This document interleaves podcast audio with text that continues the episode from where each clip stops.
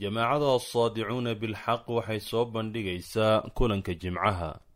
Kulanka jimcuhu waa barnaamij taxano ah oo ay jamaacadu ugu tala gashay in looga jawaabo isweydiimaha ka imaanaya dadka la falgelaya barnaamijta ay jamaacadu soo saarto. Waxaa sidoo kale loogu talagelay in lagu iftiimiyo xaqaa'iqda waaweyn ee islaamka.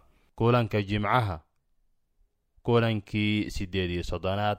Bismi illaahi raxmaan iraxiim alxamdu lilaahi rabbi alcaalamiin وصلى الله وسلم على سيدنا محمد وعلى آله وصحبه أجمعين وبعد السلام عليكم ورحمة الله وبركاته kusoo dhawaada daawadayaal taxanaheenii kulanka jimcaha oo aan uga hadlaynay su-aalaha muhiimka ah ee aan runtii aan ku iftiiminaynay xaqaa'iq alislaam waxaqaa'iq اdacwa iyo waajibaadka asaadicuuna bilxaqi u istaageen ayagoo ilaahay addoon ugu noqonaya subxaanahu caza wajala amarka hadi dacwa ila allah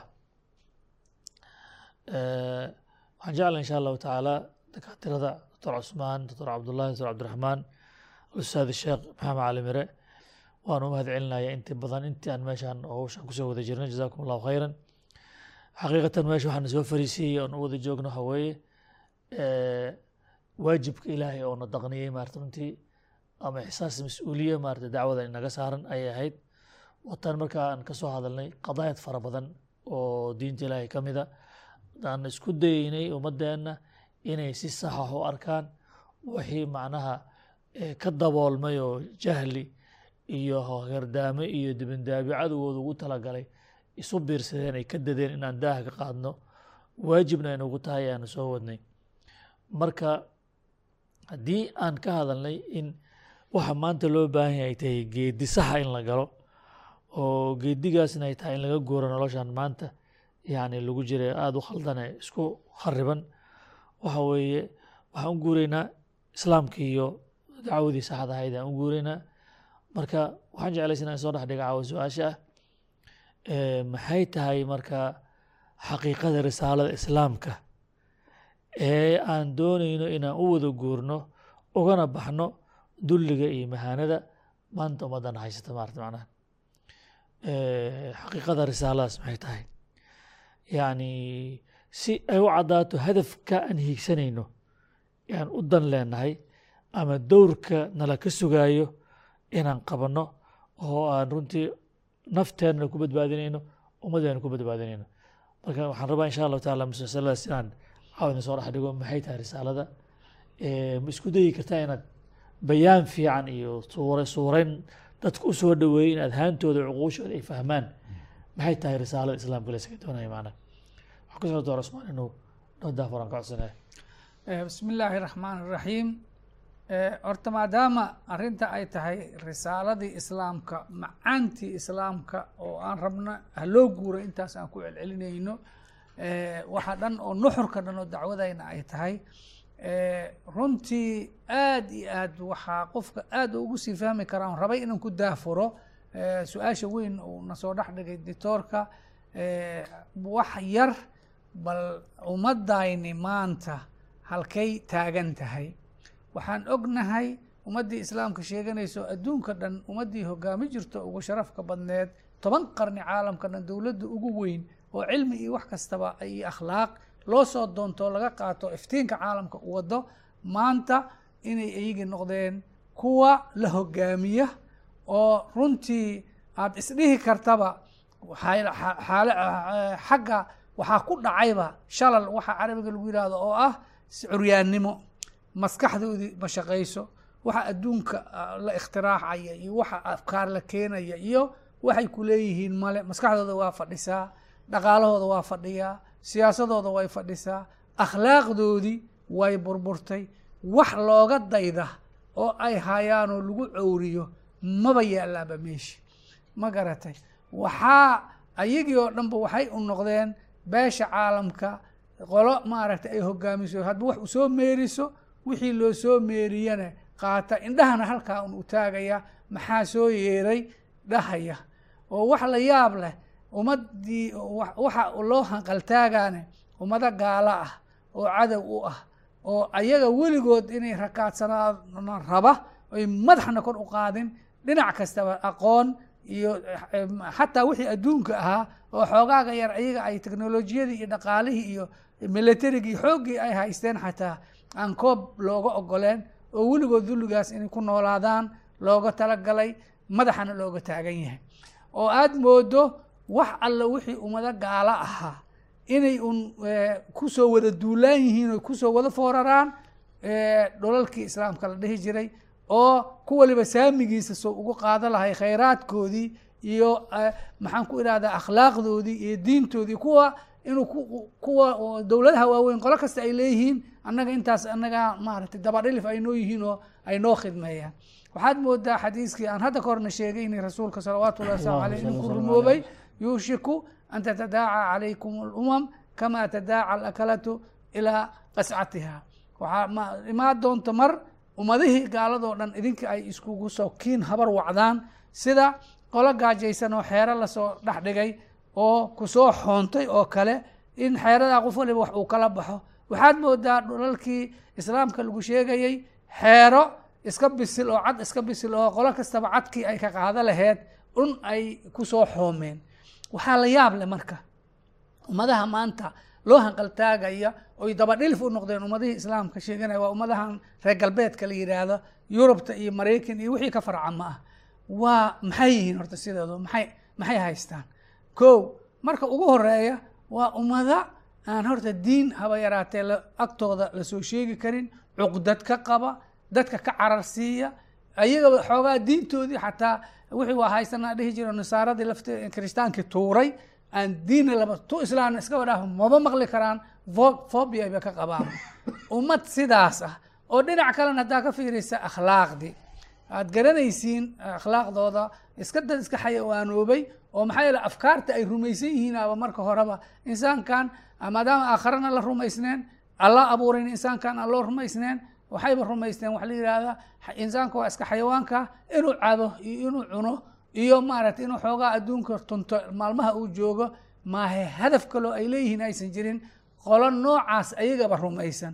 Oo waxay naga rabaan o isku kayn habar wacdeenna ay tahay noloshoodaas iyagaba maaragtay ay ku silacsan yihiin oo iska nolol xayawaan ah ee akhlaaq la'aan ah in aan dabadhilif ugu noqono haddaba marka waxaan rabnaa ummadda xaalad meeshaasoo kaleenta marka ay gaarto see lagu badbaadi karaa markaasoo kale laguma badbaadi karo xoogaa yaroo wacdi ah oo masaajidada maalinta jimcada looga jeediyo ama xoogaa kitaab inta xoogaa loo akriyo afartoo qof ay soo ag fadhiisato. Ummadda inteedii kalena ayna sha- ayna shaqo ku lahayn xoogaa maqaal joornaal lagu qoro oo lagu tusaaleeyo ummadda waxaasaa idin dan la yidhaahda ama social media lagu lagu soo dhigo wax ay u tarayso haba yaraatee ma laha. Maxaa yeelay waa ummad asaaskii oo dhan uu ka dhumay oo ay ka burburtay saldhigoodii oo dhan uu burburay. Oo maanta marka la rabo in geediga aan sheegayno ah waxa ay ku jiraan oo dhan inta laga saaro wax cusub lo- loo saaro. Marka midaasoo sidaa darteeda su'aasha uu doctoorkana soo dhexdhigaya oo war waxa aad ugu baaqaysiin islaamka aada la rabtaan oo ummadda inta aad leedihiin ha loo guuro oo ha loo noqdo aad leedihiin magarata muxuu yahay? Horta sideeda waxay caddaa kartaa risaaladaas macaanteeda marka aan aragno ummadda ayna maanta meesha ay taagan tahay oo aan wax yar hadda ka iftiimiyey. Jazaak allahu khayr waxaan ku dari lahaa jazaak allahu khayran walaalkeen. Si fiican buu u iftiimiyey. Maxaa yeelay shay walbaba waxaa lagu gartaa didkiisaa lagu gartaa mahaanada iyo dulliga ummadii la yiri khayra ummatina ilaahay ku magacaabay inay maantay ummadda ugu dulliga badan oo ugu ihaanada badan oo maaragtay weelkeedii iyo dhulkeedii iyo nafteedii la iskugu yeertay. Maanta xaaladda La xalaashaday. ha la xalaashaday. Maanta xaaladaas ay marayso oo hadda maaragtay beesha caalamka la sheegaya sideedaba magacaas ayagaa loo sameeyey. In ayaga madhab looga dhigo oo halkaas ay u jehaystaan oo looga leexiyo meeshii ilaahay subxaana wa tacaala ummadda maantay risaalada islaamka sideedaba markii halkaas ummadu gaarto islaamka oo u wada xaqiiqadiisa waxay tahay isbeddel inuu yimaado laabudda min tagyiir waa in isbeddel yimaada.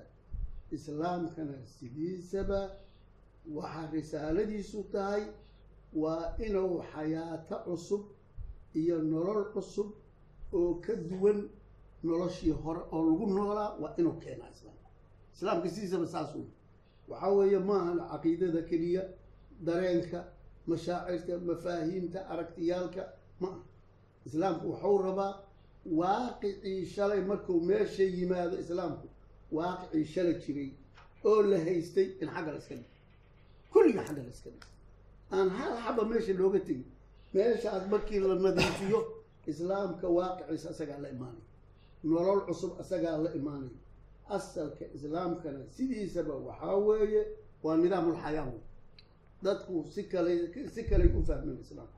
Islaamka inaan fahmnaa la rabo islaamku nidaamulxayaa weeye. Nolosha oo dhan noloshaas oo ku dhisan qaacidada aasaaska oo ay tahay taxkiimu shariicati illaahi fii ardi illaahi wa fii xayaati innaas doctore adaa ku wadatee dadka sida doctoorkada uu sheegay ummaddan saa u halaagsantay macalimiin ay yeesheen. Macalimiintaasoo maadiyiinta ah oo jaahiliinta ah ayay yeesheen. Ha macalimiintii ayaa xataa diintooda u sheegaya diintoodii xataa Ah. ayagaa u fasira waxay ku leeyihiin. Diintu waa xiriir adiga iyo rabbi idinka dhexeeyo.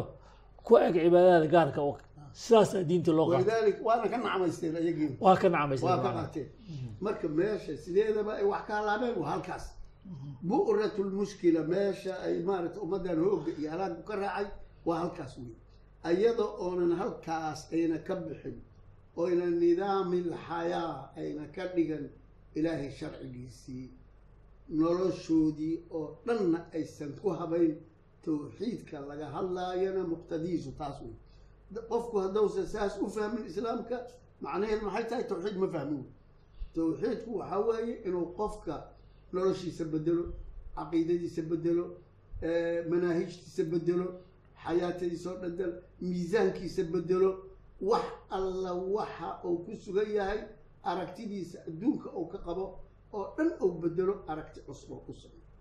Arrintaasaana waxay tahay aragtida uu samaynayaa waxay ku soo urureysaa arrinta xaqiiqatul uluuhiya ay tilmaamayso oo maantay aan rabno in dadku fahmaan qur'aankuna uu xambaarsan yahay risaalada islaamkuna ay tahay in dadku allah oo keliya addoon ay u noqdaan subxaanahu wa tacaala. Inay allah keliya manhajka ka qaataan nolosha. Allah keliya inay nidaamulxayaa ka qaataan mawaasiinta ka qaataan. Wax alla maxaa halaysan maxaa hagaagsan ay asaga keliya kitaabkiisa ka qaataan ayna meel kale ka qaadan. Maanta arrintaas ayada ah xaggee laga jooga. Haddaan isniraahno waxaan ogsoonahay in bani aadamka intiisa badan ama kulligiisba maxaa yeelay guud ahaan nidaam gaalaa carradii haymaneeyey oo haysta. Nidaamkaasu waxaa weeye basharkii oo bashar kale addoon u noqday oo dhulkan yidhaahdo dhulkii allah subxaanahu wa tacaala anaa ka talinay oo lagu siiyay xaq inuu ka taliyo oo qofkii yidhaahdo war maya ee ilaahay baa talinaayo ou yahay midka la leeyahay war waa mid halaysanay hala qabto. Waa mid ummadii dhuminaye hala qabto. Arrinta la leeyahay wey meeshaas ayay arrintu ka hadlo marka waxaa la rabaa islaamka u sacyinaya inuu soo celiyo xayaatada masaarkeedii iyo waddadeedii saxdaad oo ku soo celiyo. Dad islaam raba hadday jiraan oo ilaahay diintiisii suuraddiisa shaamilka ah oo kaamilka ah ay allah kala kulmaan subxaanahu wa tacaala. Wax alla waxa bashar watana ay banaanka iska dhigaan aad maasha allah maasha allah aada iyo aad umahadsan tahay ficlan bismi illahi raxmaan raxiim waxaan ku darayaa waxa weeye haddaan dib u noqono islaamka macnihiisa guud iyo wuxuu xambaarsan yahay iyo cidda ku wajahay islaamku kuma wajahna qowm meel degan. Ama mujtamac meel degan. Waa risaalo caalami ah allah subxaanahu wa tacaala u soo diray bani aadamka oo dhan kuwa hadda la daba socdo oon islaam sheeganayn oo aan waxba ka garanaynin oo iyagu maaragtay horboodaya xayaatada maanta oon islaam sheeganayn. Kuwii islaam sheegan jiray sheeganhaya degan meel maalma maalin maalmaha ka mid a islaamku ka tali jiray. Intaba risaala ku wajahan muxtawaheeduna uu yahay. Waxay xambaarsan tahay. Waxay xambaarsan tahay. Oo dadka igu baaqay. Bani aadamow addoonaa tahay. Allaad addoon u tahay.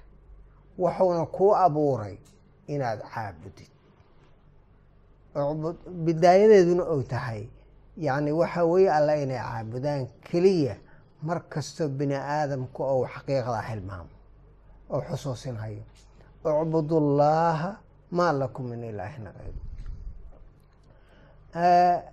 yacni an icbudullaaha wajtanibu daaquuta saas uu yahay bidaayadeeda nuxurka dacwadiisuna ay saasay tahay caalamka oo dhanna oo ugu baaqayo reer galbeed reer bari reer waqooyi reer koonfureed inta oo dhan kii xaakimka ahaa oo madaxda ahaa oo hogaamiyaha ahaa ucbudullaaha maa lakum min ilaahin kii maxkuumka ahaa oo isagu maaragtay waxa weye loo telinaya oo raciyada ahaa oo rayadka ahaa ucbudullaaha maa lakum min ilaahin loogu baaqayo saas maaragtay waxa weeye ayaa risaaladanu ay tahay nuxurka dacwadiisuna ay ku dhisan tahay ama qaacidadu ku dhisan yahay ay saas ay tahay islaamka allah subxaana wa tacaala soo dejiyey oo qaacidadiisu ay sidaas tahay islaamku fiihi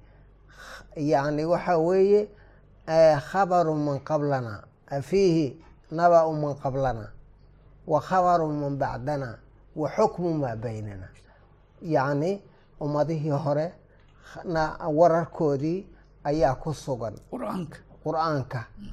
Waxa imaan doona oo ummadaha annaga naga dambeeyana wararkoodii ayaad ka helaysaan oo ku sugan iyo waxa noloshaan maaragtay dhacdooyinka yani soo wajahaya oo gadaal ka imaan doona. Wa xukmu maa baynakum. Idinka intaad nooshihiinna noloshiina axkaamtii lagu hagi lahaa lagu maamuli lahaa nolosha qaybaheeda oo dhan lagu hagi lahaa ee lagu maamuli lahaa ayaa dhex taalla.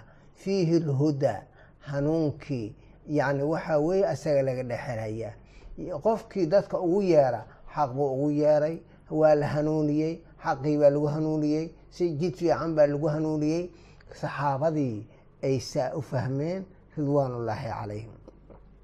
Waxaan ogsoonnahay yacni waxa weeye qur'aanku maadaama uu sugayo bini aadamka in cibaado loo abuuray. Wamaa khalaqtu ljinna walinsa ilaa liyacbuduuni cibaadadaas inaysan xaqiiqoobaynin ayadoo nolosha bini aadamka kitaabkii alleh waxaan ahayn lagu xukumayo qolo kale ay majaaraha u hayso ee iyadu maamule axkaam ay degsatay hawadeeda ay ka degsatay ay ku maamuleen sababtoo ah waxaan ka soo hadalnay cibaado waxaan ogsoonnahay cibaado inay daaca tahay inay khuduuc tahay inay hoggaansan tahay alla loo ay tahay ciddii la siiyo oo la siiyo oo loo hoggaansamo axkaamteeda loo hoggaansamo ciddaasaa la caabuday.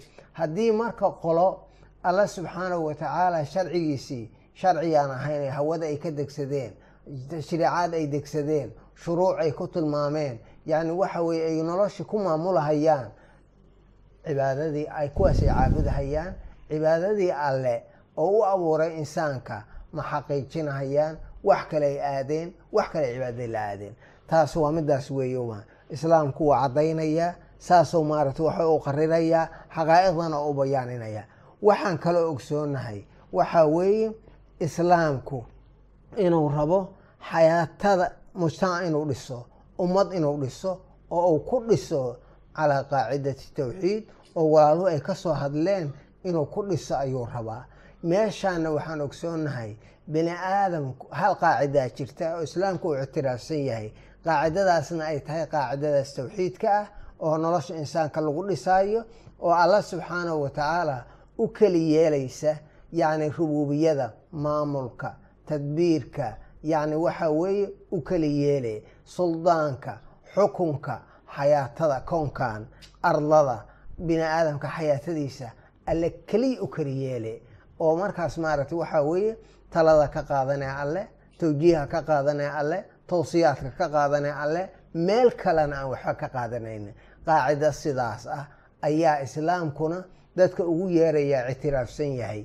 Iyadoo ay jirto qaacido kaleo ka soo horjeeda ama qawaacid ka soo horjeeda oo bini aadamku ou noloshooda ku dhistaan markay tii alla ka leexdaan oo ay diidaan qaacidadaasuna ay tahay. Yacni waxa weeye cid kale in inta la rafdiyo uluuhiyadii alla la diido rububiyadiisii la diido suldaankiisii la diido xukunkiisii la diido cid kale la siiyo ciddaas kalena maaragtay waxaa weeye arbaab laga dhigto aaliha laga dhigto iyada la caabudayo saas maaragtay waxaa weeye ittakhaduu axbaarahum wa ruhbaanahum arbaaba min duuni illaahi ay saas maaragtay waxa weye ugu dhistaan yani arbaabtaasna ay u hogaansamaan ay caabudaan.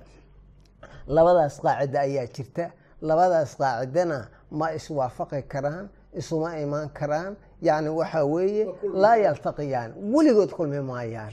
Marka yani waxa weeye qaacidadan dambe oo maaragtay waxaa weeye arbaab min duuni illaahi in la samaysto ku dhisan noloshiina lagu dhiso taas maaragtay waxaa weeye waa midii rusuushii ka digi jirtay waa midii nabi maxamed ka digay calayhi salaatu wasalaam calayhim asalaatu wasalaam ay ka digeen. Yacni waxaa weeye aayaad badan oo qur'aanka ku soo arooray maaragtay waxa weeye ay sifaynayaan oo ay suuraynayaan. Alla wuxuu leeyahy subxaanahu wa tacaala afaman asasa bunyaanahu calaa taqwa min allaahi wa ridwaanin khayrun man asasa bunyaanahu calaa shafaa jurufin haarin fanhaara bihi fii naari jahannama. Taqwada meeshan laga hadlayo xoogaa cabsiyo qofku iska booybooyo keliya ma aha. Waxa weeye waa taqwadii cala tawxiid meelaan tawxiid oolin oo alla subxaanahu wa tacaala loogu sharig yeelayo taqwa ma taalo raalli ahaansho ilaahayna ma imaanayo. Taqwada laga hadlayo waa cala tawxiid iyo raalli ahaansho ilaahay subxaanahu wa tacaala. Marka taas miyaa maaragtay ninkii halkaa wax ku dhisay miyaa wanaagsan oo wacan mise waxaa wacan nin calaa shafaa jurufin wax ku dhisay gebi gebi qarki. Haadaan qarka yani jurufintuna waa gebi sii ha. gebi sii dhacaya qarkii buu sartii ka taagay dhismihii ka taagay ummadii ku dhisay waana sii dhacaya waana dhacay bilficli fii naari jahanama ku fanhaara fii naari jahanama ku dhacay. bihi fi naari jahannam halkaasoo ku dhacay. Dhismihii wixii ku jiray dadkii dad ha ahaadeen wixii kasbadeen oo adduunyo i tabcadeen ha ahaadeen fii naari jahanama ku dhacay. Dhismahaa saas ah oo aayaddu sidaas alla subxaanahu wa tacaala ugu suureeyey weeye midkii nebi maxamed calayhi salaatu wasalaam uu ka digayey oo u yimid isagoo marada babinaya oo leh yacni ana nadiiru lcuryaan ayaan ahay.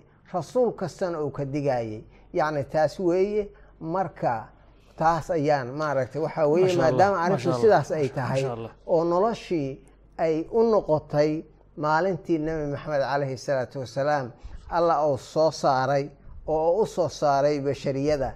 Noloshu sidii ay ahayd maanta ay ku sugan tahay xaaladii sida ay tahay iyo meel ka sii xun ay marayso waxaa jamaacatu saadicuun bilxaqi ay dadka ugu baaqayaan oyna u tajdiidinayaan dacwadii nebi maxamed calayhi salaatu wasalaam oo maaragtay waxa weeye dadka ugu baaqay jazaaka allahu khayran aad iyo aad aad bayaamisay baaraka allah fiik bismi illahi raxmaan raxiim runtii walaalahay say ka soo hadleen ilaahay subxaanahu wa tacaala bini aadamkan isaga abuurtay makhluuqaadkan isaga xaggiisa ayay ka yimaadeen ilaahay subxaanahu wa tacala alaa yaclamu man khalaq wa huwa latiifu lkhabiir ilaahay dadka isagaa yaqaan isaga abuurtay maslaxadooda dantooda isaga garanaya ilaahay subxaana wa tacaala marka islaamka agtiisa muctabarka ka ah oo looga ogol yahay waxaa weeye allahaas dadka abuurtay oo dantooda yaqaan nidaam buu u dejiyey bulshadooda waxay isku maamuli lahaayeen say u dhaqmi lahaayeen ayaa ilaahay u soo dejiyey subxana wa tacaala taas ayaa dantooda ku jirtaa taasay xor ku noqonayaan taasay ku noqonayaan ummad wanaagsan oo muslimiin ah. Marka nidaamka ilaahay subxaana wa tacala agtiisa laga ogol yahay waxaa weeye ilaahay sharcigu soo dejiyey iyo diinta uu soo yahay nidaamkii lagu maamulo ilaahay agtiisa waxaa weeye muctabar buu ka yahay saasuu islaam ku noqonaya. Oo islaamka aan leenahay dadka ugu yeerino leenahay xaqiiqada islaamka waxaa weeye in yaa idiin talinaya yaad ka dambaynaysaan yaa addoomma u noqonaysaan waa ilaahay subxana wa taala ida abuurtay oo dantiina yaqaan oo maslaxadiina yaqaan. Haddii qof ama koox ama qolo kale nidaamkaas wax u dejisana bini aadamkii asagaa addoommo isu noqonaya waana midda ilaahay subxaana watacaala dadka uga digay uu leeyahay war hays addoonsanina sida walaalahayba soo sheegayeen. Oo qaarkiin qaar kale adoon u noqon. Macnaha xorriyadii qofki iska lahaa halkaasuu ku waayaya. Marka islaamka ilaahay agtiisa muctabarka ka ah waxaa weeye yaa dadka nidaam u dejinaya yaa dastuur u dejinaya yaa shareeca u dejinaya hadday ilaahay kitaabkiisii iyo shareecadiisii tahayna dadkaasi waxaa weeye waa islaamkii dhabta ahaayo aan dadka ugu yeerin wey fahum diin illah. Haddii cid kale u dejisana waxaa weeye ilaahay diintiisa diin aan ahayn sida ilahay subxaana watacala marka aayado badan noogu sheegay. Ama diin ilmalik ina addiina cinda allahi alislaam. Ilaahay agtiisa diinta laga ogol yahay waxaa weeye ciddii alle hogaansata oo alla nidaamkiisa ku dhaqanta oo shareecadii rasaata. Ilaahay agtiisa dadka ictibaarta ka leh oo ilaahay u ogol yahay islaamnimada waa dadkaas wey sidoo kale ilahay subxana watacala wuxuu yidhi waman yabtagi gayra alislaami diinan falan yuqbala minhu wa huwa fi laakhirati min alkhaasiriin ilaahay diintiisa iyo nidaamkiisa meel aan ahayn haddaa wax ka qaadato lagaa aqbali mayo lagaa aqbali mayo keliya weliba ma ahee aakhirana khasaaro iyo halaag baa kugu dambeeya. Adduunkana dhib iyo halaag hadda aan aragnay baa dadku ku noolaanaya. Ilaahay subxaana watacala arrintaas oo sii adkaynaya waxaa layidhi ilaahay agtiisa qofkaas nidaamka ilaahay ka leexdaa oo wax kale ku dhaqmaa muslimna ma ahan iimaanna male hadduusan nebiga calayhi salaatu wasalaam kitaabkii iyo shareecada ilahay u soo dhiibay uusan qaadan. Ilahay aayad kale wuxuu ku leeyahay falaa warabbika laa yu'minuuna xataa yuxakimuuka fima shajara baynahum uma laa yajiduu fii anfusihim xaraja mima qadayta wayusallimuu tasliim ilaahay baa subxaana watacaala ku dhaaranaya makarata nebiga magaciisa ilahay weyn subxaana watacala oo la leeyahay waxaa weye ku rumayn mayaan adiga ilaa ay kaaga xugum tagaan bale wax alla wixii dhex mara mid yar iyo mid weyn ma inaad qaarna ilahay subxana watacala sida walaalahay soo xuseen qaarna aad ka ogosha qaarna ka diideyso arrin kasta oo idin dhex martaa leeyahay nebiga uga dambeeya salawatullah slam xukumkiisa ku raac weliba intaa keliya maahane laabtaadana waa inaad ciriiri iyo qalbigaaga midna ka darenin sidoo kalena aad isu dhiibtaa oo raalli ku noqotaa oo aadan maaragtay nebiga calayhi salatu wasalaam wixii uu xukumay inaad cid ka dambaysa aadan weydiin. Islaamka marka aan leenahay war islaamka dhabta ha loo noqdo oo ha loo guuro waa islaamkaas agtiisa ilahay subxana watacala muctabarka ka ah oo allana ogol yahay subxana watacala jasaakum allahu khayran. Aada iyo aad baa umahadsantihiin ficlan qadiyadda sidaa u bidhaamiseen doctoorka doctor cusmaan markuu noo daafureeyey uu isku day inuu sawiro xaaladda maanta uu ku sugan tahay. Yaa waxaa igu soo dhacaan xasuustay macnaha qoraal hadda kahor nin kaatib uu qoray. Isagoo tilmaamayo aadanaha maanta dhibka haysta maartay macnaha macnaha dhibka ka inteeni caalamka islaamka tinla kutan ku noolad keliya maaha dhib baaba insaanka maanta haysta macnaha marka wuxuu yihi haddaad khiyaalsato yiri suurayso istira qofka caaqilka ee waaciga ah wax garanaya hadduu bal is yiraahdo maanta bashariyadan see u taallaa fiiri waxaa u soo baxayso dad yaacaya oo diday oo balac irsanayso oo sida sarkaa sida wax sarkhaansan u kufkufayo sida wax waalan u qoslaaya wixii qashini qoran way soo boglaalsanaysaa wixii anfacayana way iska firdhinaysaa. Macnaha way yaacaysaahoo markay istiraahdo waa daashayne qola meel u fadhisa intay dhabar gacanta ka saarto si hantaa doqonaysa oo u durbaantumaysa oo dhahayso horumarka ilbaxnimada xadaarada iyo mataqaana muxuu ahay moodada cusub la qabsada ha ka harin ha halayn dhahaysa macnaha.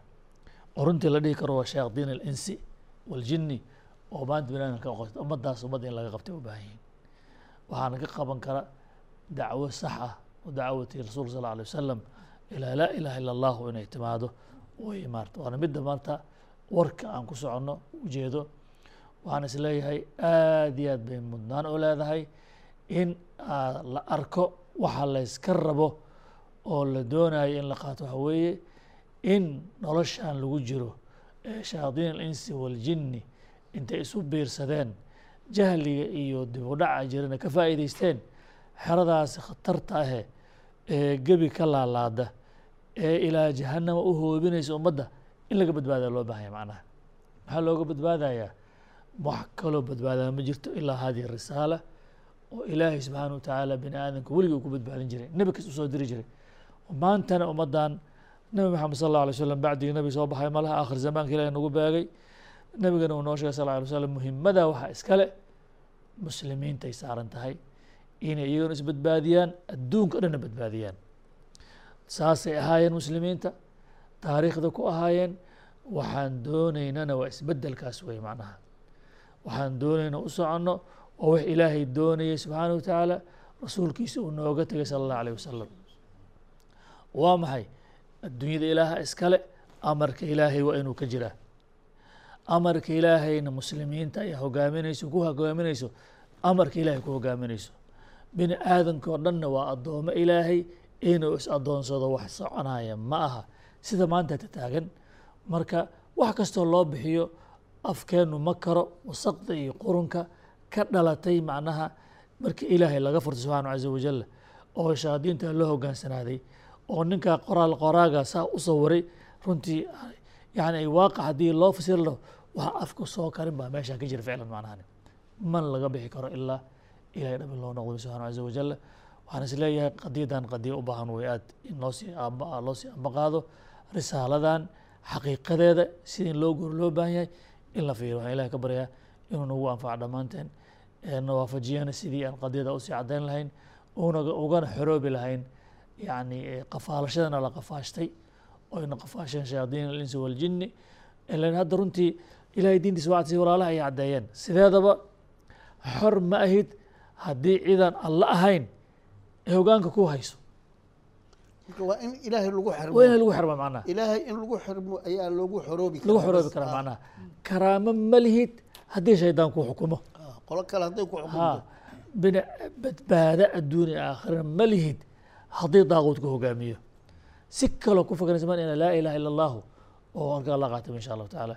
Hada wabillahi towfiq wasalam alaikum هذا بلاغ للناس ولينذروا به ولينذروا به وليعلموا أنما هو إله واحد وليذكر أولو الألباب